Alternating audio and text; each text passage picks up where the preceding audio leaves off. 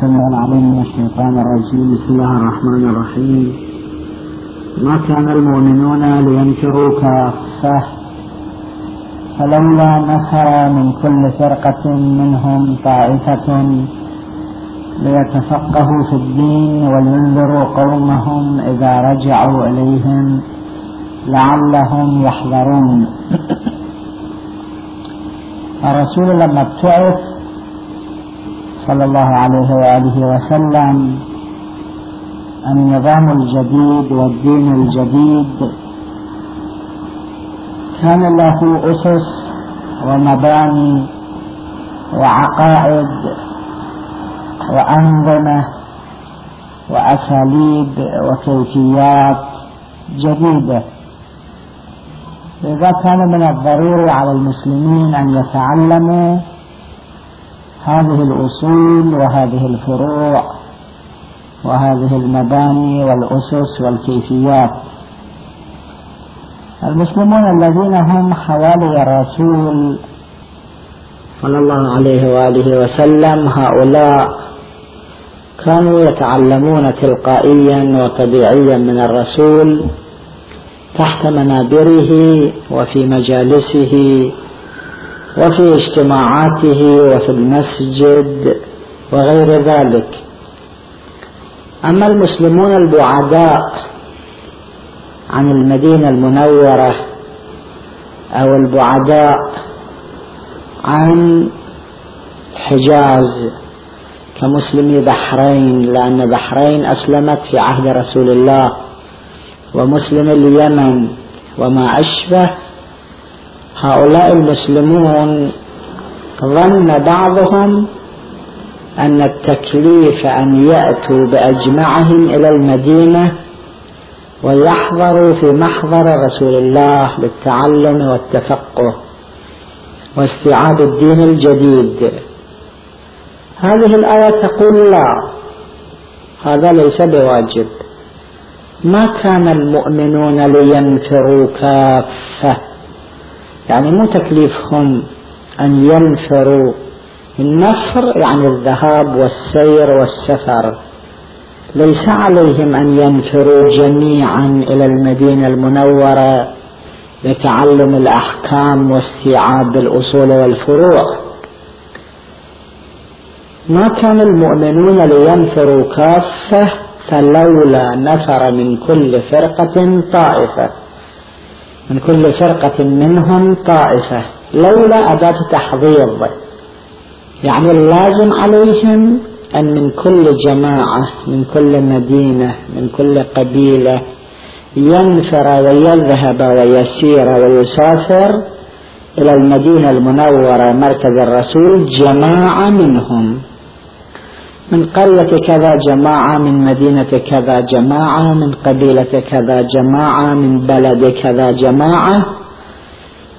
لماذا ليتفقهوا في الدين هؤلاء الجماعة النافرون والآتون إلى محضر رسول الله صلى الله عليه وآله وسلم؟ هؤلاء يتفقهون في الدين ولينذروا قومهم إذا رجعوا إليهم لعلهم يحذرون. يأتون إلى مدرسة رسول الله وجامعته وكليته ويتعلمون الدين والفقه والفضيلة ثم يرجعون إلى بلادهم وأهاليهم وإلى قراهم. فيملوا أولئك. لماذا لعلهم يحذرون؟ لعل جماعتهم يحذر من عذاب الآخرة ومن السقوط في الدنيا. لأن الدين بشير ونذير. يبشر بالدنيا الحسنة وبالثواب في الآخرة. وينذر بالسقوط في الدنيا والهبوط في دركات النار في الآخرة. هذا تفسير للآية المباركة. وهناك تفسير ثاني ليس لنا الآن أن نتكلم حول ذاك التفسير الثاني. التفسير الثاني أيضا يذكره الأصوليون كالشيخ المرتضى وصاحب الكفاية في الكتب الأصولية. هذا هو التفسير الظاهر للآية المباركة.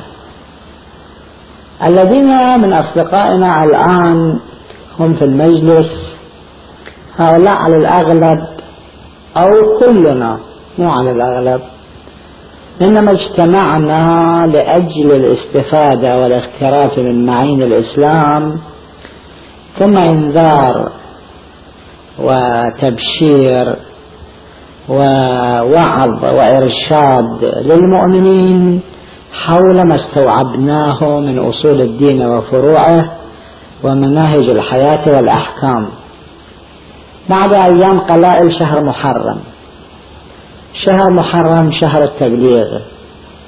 كما أن شهر رمضان شهر التبليغ. وكل الأشهر أشهر تبليغ. وطالب العلم الديني مجند للتبليغ. من يوم يدرس إلى يوم يموت. التبليغ يحتاج إلى ثلاثة أمور. هذه الأمور الثلاثة يجب علينا أن نراعيها بكل دقة. وإلا لم نتمكن من الأداء للأمر الواجب علينا.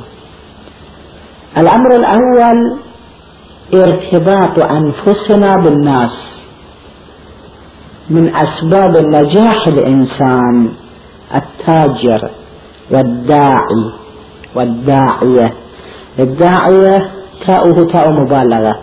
لأن أكو في السيوطي يقول التاء على أربعة عشر قسم.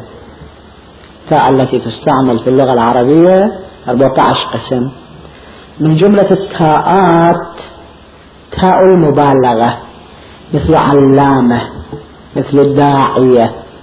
وما أشبه هذه تاءات مبالغة. تاء المبالغة دلالة على كثرة الدعوة. الداعي والداعية أول ما يحتاج أن يربط نفسه بالناس ربطا كثيرا.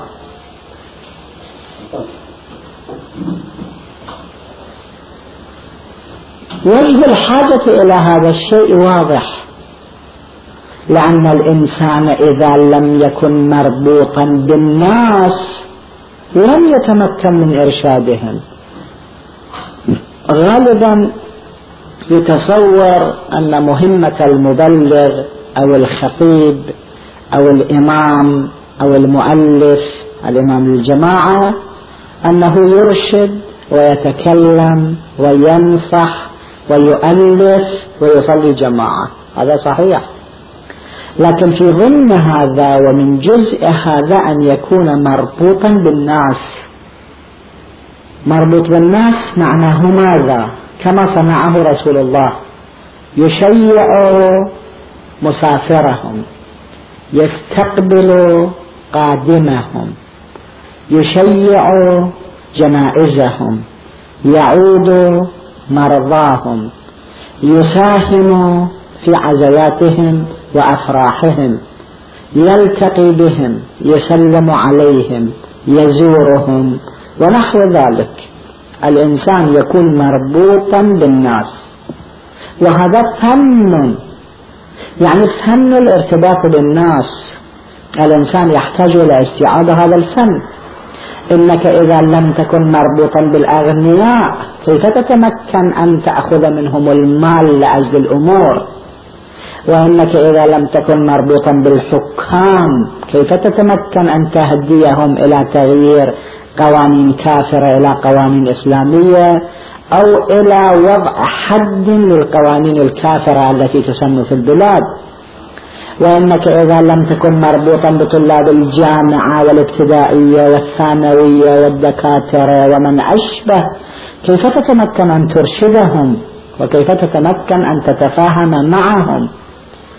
الأمر الأول أن الإنسان المسلم الداعية إلى الله سبحانه وتعالى يجب أن يكون مربوطا بالناس أشد ارتباط في سرائهم وضرائهم في فرحهم وترحهم في أحزانهم وأفراحهم في حلهم ومرتحلهم في دورهم وفي معاملهم وفي مصانعهم وفي أسواقهم وفي مزارعهم وفي بساتينهم وفي حقولهم وفي دوائرهم.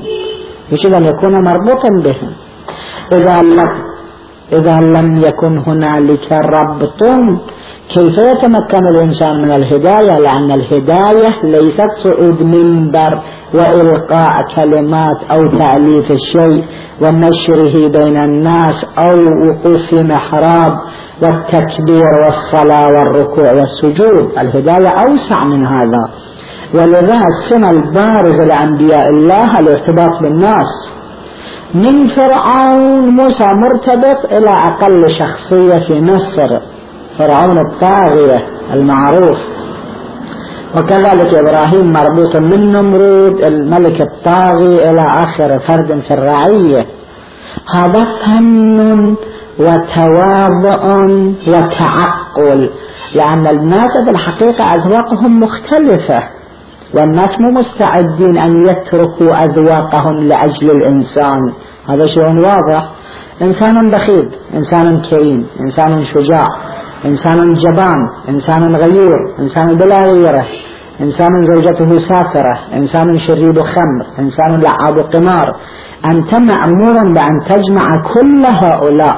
كما فعل رسول الله صلى الله عليه وآله وسلم. إنسان منافق إنسان مؤمن إنسان كافر إنسان صحيح إنسان سقيم. الأذواق للناس مختلفة. فهل أتمكن أنا أن أجمع أذواقهم تحت خيمة واحدة؟ هذا ما لا يكون. وإنما أنا أتمكن بقدر أستفيد منهم. ومن عادة رسول الله صلى الله عليه وآله وسلم أنه يستفيد من المئة واحد ويقبل. يعني هو تسعة وتسعين له واحد من رسول الله. الرسول يقبله. أبو سفيان منافق مشهور. الرسول قبله لأن واحد ينفع رسول الله ينفع رسول الله ينفع منهج الإسلام ينفع منهج الدين. نحن إذا ذهبنا إلى مناطقنا لأجل التبليغ أو في نفس هذه المنطقة. يجب أن نختلط بالناس اختلاطا كبيرا ونجعل منهج للاختلاط والامتزاج بالناس. وإلا صلاة شيخ في زوايا مسجدي موجودة ومخمر موجود ومقمر موجود وشيء آخر وآخر وآخر كلها موجود. مرة في العراق في كربلاء تقريبا كان معتي خطيب؟ وهؤلاء يخرجون شهر محرم إلى مختلف المناطق لأجل الهداية والإرشاد.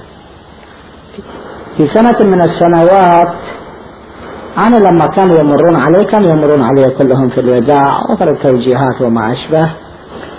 أنا نصحتهم وقلت لهم بأنهم يصلوا جماعة بناس. بعضهم قبلوا بعضهم لم يقبلوا. من جملة أحدهم اسمه السيد ناجي العميدي من أصدقائنا حفظه الله وهو طاعن في السن لعل عمره سبعين سنة أو ما أشبه. قلت له أنت أين تذهب؟ قال فلان منطقة وسمى منطقة. قلت له تصلي بهم جماعة؟ ضحك. قال أنا أصلي بهم جماعة؟ قلت نعم. كل إنسان يعرف من نفسه العدالة يصلي. وإذا لا يعرف من نفسه العدالة يعدل نفسه ثم يصلي. قال هناك مو معتادين على هذا الشيء. قلت له أنت كخطيب عودهم على هذا الشيء. أثرت عليه بهذا الموضوع وذهب. وبعد محرم رجع. سألت عنه ماذا صنعت؟ قال في الحسينية التي أنا أصعد المنبر وهي الحسينية الوحيدة في المنطقة. وليس في المنطقة لا عالم ولا خطيب. في الليلة الأولى من صعودي للمنبر أو في اليوم الأول من المحرم في صعودي للمنبر شجعت نفسي وفوق المنبر قلت لهم إن عالمنا في كربلاء السيد محمد الشيرازي. قال لي أبلغكم أني أصلي الجماعة. فمن رغب فليصلي معي جماعة ومن لم يرغب فلا يصلي. وبينت لهم كيفية صلاة الجماعة. وبعد ذلك ظهرا أو مغربا وقفت في الصلاة. يقول السيد ناجي يقول امتلأت الحسينية بالمصلين وشكروني شكرا كبيرا. قالوا أننا لم نكن نعلم ثواب الجماعة ولم نكن نصلي صلاة الجماعة وليس لنا عالم. ولأول مرة الله سبحانه وتعالى هيأ لنا هذا الشيء وهذا الخير. فشكروا ومدحوا ورأوا أنه قدمت لهم شيئا جديدا. الآن الكلام في أن الخطيب بحاجة إلى الاختلاط بالناس ليعرف أذواقهم ليعرف آراءهم ليعرف مشاربهم ليعرف اتجاهاتهم ليعرف التيارات التي تسودهم ليعرف مشاكلهم ليعرف حلولها ليساعدهم في حلولها. هذا هو الشيء الأول الذي نحن بحاجة إليه حاجة ملحة. فإذا ذهبنا إلى التبليغ في بلد أو كنا في نفس هذا البلد كمبلغين واجب علينا الاختلاط بالناس. إذا اختلطنا بالناس أثر كلامنا فيهم. وإذا لم نختلط لم يأثر كلامنا فيهم. وعدم تأثير الكلام يعني الفشل يعني الشيوعيين والبعثيين وغيرنا يأتون ويقزونهم يغزونهم. لأن الناس لا يبقون بلا اتجاهات. الناس لابد لهم من انضمامات واتجاهات وأفكار. إذا المؤمنون المتدينون لم يدخلوا فيهم دخل فيهم الأفكار الشرقية والأفكار الغربية والمنظمات الشرقية والمنظمات الغربية. ثم نجاحنا نحن رهين هذا الشيء. كثيرا ما أنت مجلسك أنت مجلسك مئة واحد يحضرون. بينما إذا كنت صديقا للناس ألف واحد يحضرون مجلسك. هذا شيء ملموس واضح. كثيرا من الناس يأتون لأجلك لا لأجل المجلس وإذا جاءوا لأجلك أثر كلامك فيهم.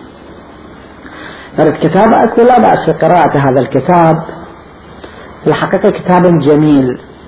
كتاب للكارنيجي واسمه كيف تكسب الأصدقاء. هذا الكتاب إذا قرأتوه فبها. إذا ما قرأتوه اقرأوه وإذا قرأتوه مرة اقرأوه مرة ثانية. في الحقيقة الكتاب أنا طالعته من أوله إلى آخره.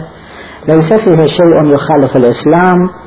وإنما الشيء الذي رأيته في هذا الكتاب كله فن الارتباط بالناس واسم الكتاب عليه كيف تكسب الأصدقاء؟ اكتساب الأصدقاء فن. حديثا عن الإمام الصادق أعجز الناس من عجز عن اكتساب الأصدقاء. وأعجز منه من اكتسب صديقا ثم تركه. قسم من الناس يكتسبون الأصدقاء. لكن على أشياء صغيرة أو توافه أو عدم تواضع أو ما أشبه هذا الصديق ينفلت منهم. هذا أعجز من الذي لا يقدر على كسب الأصدقاء.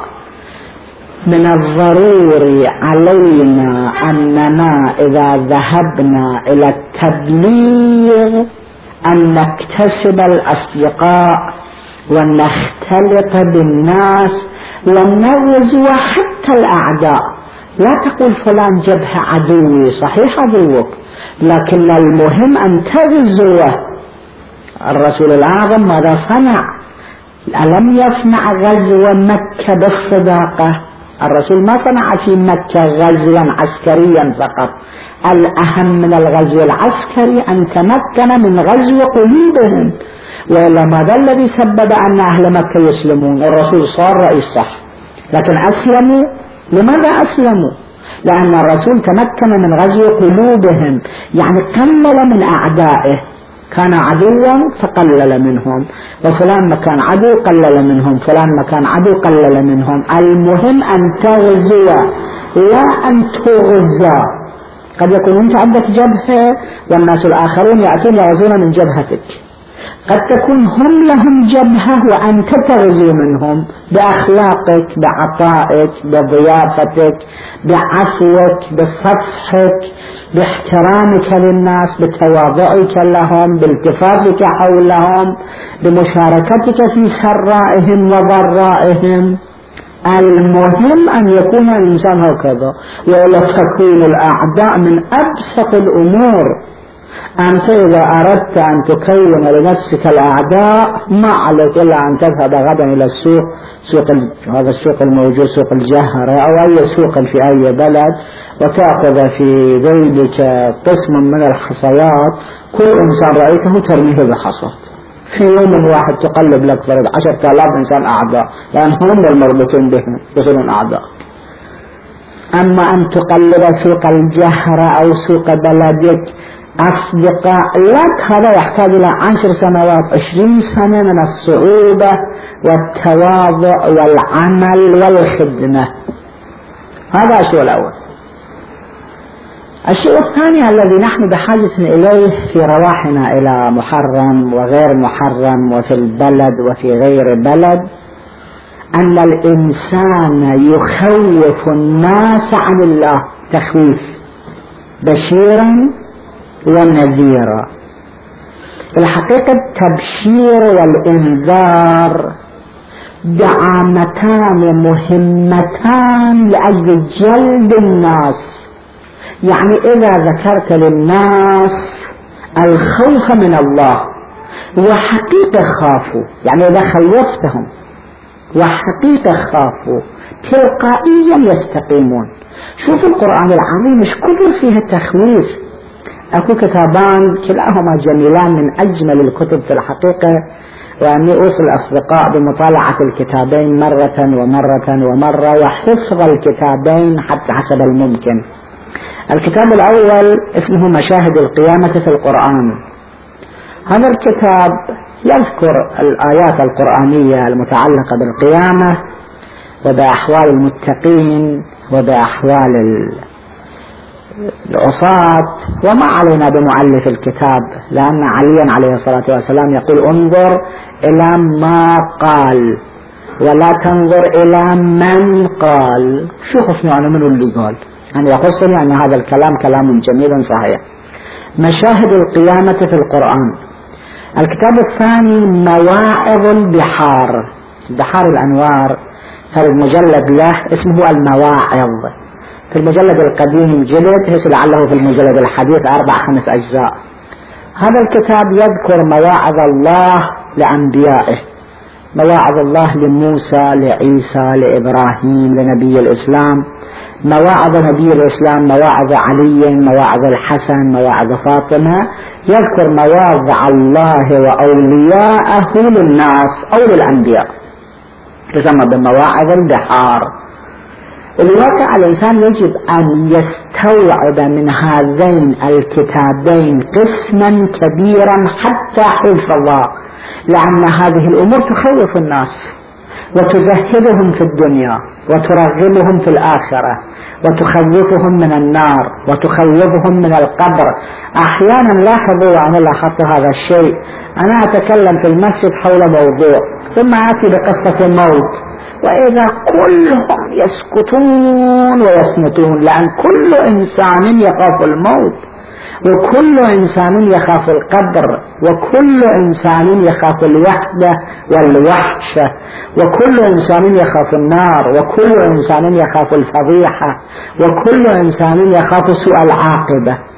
فإذا ذكرت هذه الأمور للناس وذكرتم هذه الأمور للناس وذكرتم هذه الأمور للناس. من الطبيعي أن قلبهم يلين. وإذا لأن قلبهم القلب اللين مبعث كل خير. قلت له زكي يزكي. صلي يصلي. كن إنسانا طيبا يكون إنسانا طيبا. تحجب يا أيتها الفتاة تتحجب. وإلى آخر المواضيع. وأنا في كربلاء كنت أنصح بعض أصدقائي الخطباء بأن يجعلوا من عشرة أيام يوما لهذا الشيء.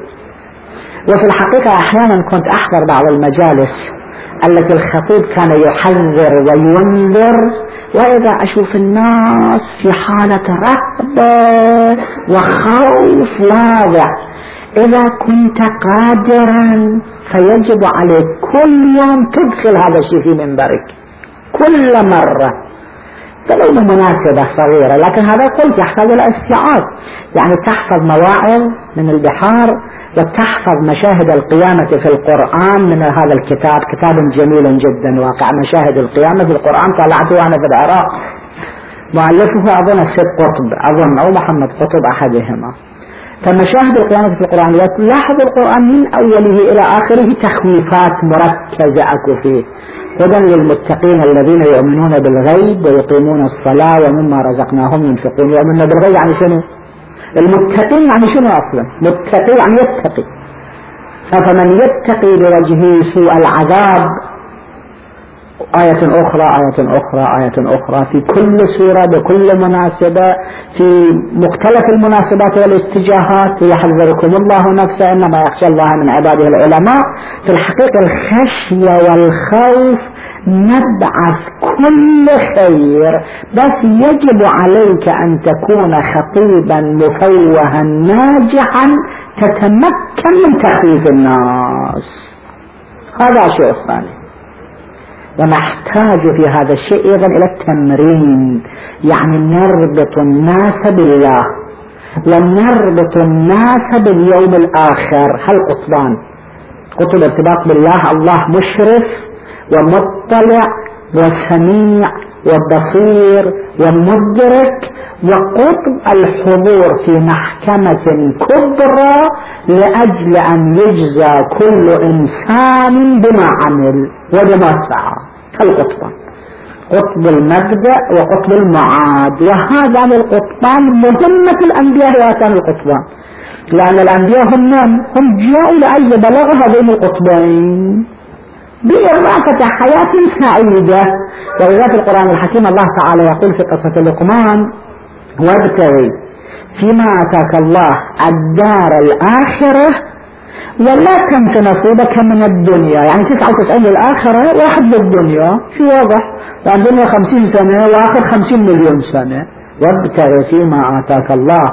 الدار الآخرة ولا تنس نصيبك من الدنيا. هذا الشيء الثاني. تخويف الناس تحذيرهم تذكيرهم بالقبر بالقيامة بالله بالحساب بالكتاب. بالعقاب كما ورد في القرآن الحكيم وكما في قصص كثيرة لأنبياء الله تعالى والأئمة الطاهرين. الشيء الثالث الذي نحتاج إليه تذكير الناس بالدنيا. هذا أيضا مهم كثير من الخطباء يصعدون المنبر ويبينون الصلاة والصوم والحج والخمس والصدق والأمانة والوفاء والطهارة والنجاسة والكذا والكذا هذه الأمور. هل انتهى هذه الأمور؟ لا. بقي ربط الناس بالدنيا. من جملة مشكلة المسلمين أنهم انفلتوا عن الدنيا. الدنيا أيضا مشكلة المسلمين. الآن لاحظوا هل المسلمون مربوطون بالدنيا؟ لا. إذا كان المسلمون مربوطين بالدنيا ثمانمائة مليون هل كان كل شيء في الدنيا بأيدي غيرهم؟ صحيح أنهم يأكلون وأنهم يشربون وأنهم ينامون وأنهم يسافرون وأنهم يملكون السيارة والطيارة وأنهم يملكون الشوارع والبنايات. لكن هل صحيح أنهم مربوطين بالدنيا؟ لا مو مربوطين بالدنيا. الارتباط بالدنيا يعني أن تكون الوسائل الحاضرة بالدنيا من السلاح ومن القوة ومن السياسة ومن الفكر ومن التكنولوجيا ومن معرفة مداخل الحياة ومخارجها بأيديهم. وكل شيء من هذه مو في أيديها الواقع مشكلة المسلمين اليوم ليست فقط انفلاتهم عن الله وعن الآخرة وإنما هم منفلتون حتى عن الدنيا. ومن يجب أن يبين للناس أخذ الدنيا؟ هم الخطباء هم الموجهون هم العلماء هم الذين بأيديهم القلم والفكر والتأليف والخطابة. يجب أن يوجه الناس إلى الدنيا. لماذا المخترعون كلهم من الغربيين والشرقيين؟ أيها المسلمون أن تقول لهم لماذا لا تملك أنت سلاحا واحدا تصنعه؟ وإسرائيل يملك 600 قسم سلاح. يفهمه كل إنسان هذا الشيء. إسرائيل الصغيرة إسرائيل في أيام في إبان وعد بالفور كل الذين كانوا في إسرائيل 56 ألف يهودي فقط. والآن ما يقارب الثلاثة الملايين. وفي ذاك اليوم عدد اليهود في كل العالم 12 مليون. وفي هذا اليوم عدد اليهود في كل العالم على قول 18 مليون. لماذا 18 مليون على أحسن الفروض؟ يملكون 600 قسم من السلاح صنعا.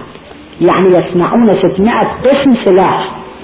و800 مليون مسلم لا يملكون صنع عشرة أقسام من السلاح. لماذا؟ هذا انفلات عن الدنيا. يعني أن المسلمين الآن مو مربوطين بالدنيا واقعا. مو مربوطين بالتجارة مو مربوطين بالاقتصاد مو مربوطين بالسياسة مو مربوطين بالثقافة. لا تنظروا إلى مؤتمر في مكان أو عمل في مكان. هذه كلها شعارات. وروتينات لا أكثر ولا أقل. والذين هم يرفعون هذه الشعارات والروتينيات بإيحاء منهم أيضا منادى عن أنفسهم أيضا بإيحاء من الغربيين والشرقيين من المعروف أن المؤتمر الحاضر بإيحاء من الاتحاد السوفيتي. ولو أني أظن بأن المؤتمر هو بإيحاء من الغربيين مو من الاتحاد السوفيتي والذين ينسبونه إلى الاتحاد السوفيتي يشتبهون.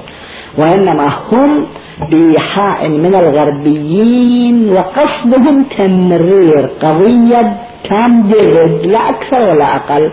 حتى يقول أن بعضكم موافقون وأن بعضكم لا يقدرون على شيء فاسكتوا. هذا هو المنطق في هاتين الكلمتين أن البعض موافقون.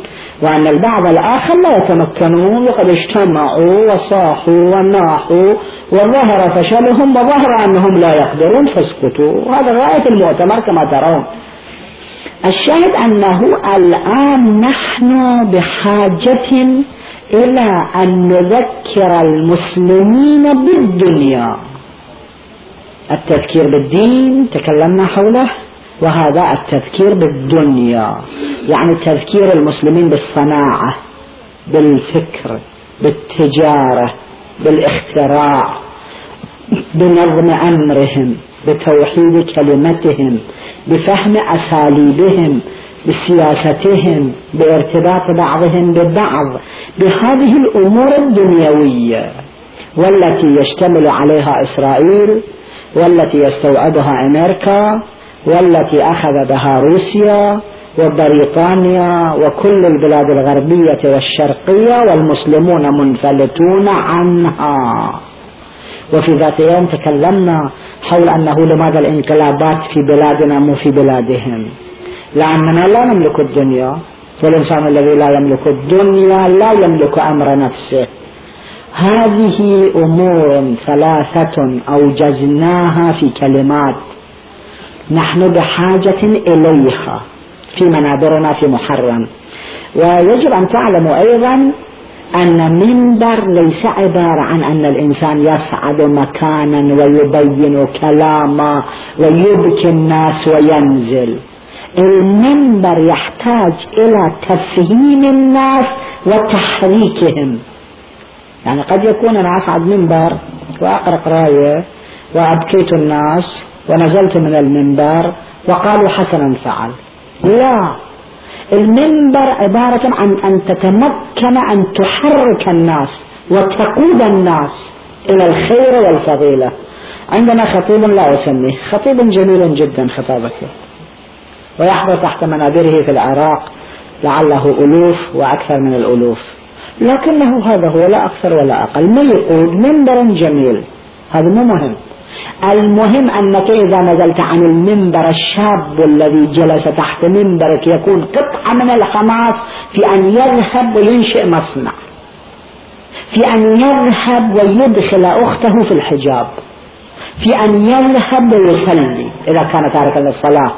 أو يكسر دكان خمار يعني تحركه تحريك قيادة. المنبر هذا معنى وإلى منبر ذهبت وتكلمت واجتمعنا وأكلنا وشربنا وتأثرنا وقمنا وكلام الليل يمحوه النهار. هذا المنبر شيء يقضي الوقت. ولا يكون هذا المنبر شيئا يفيد المجتمع فائدة متوخات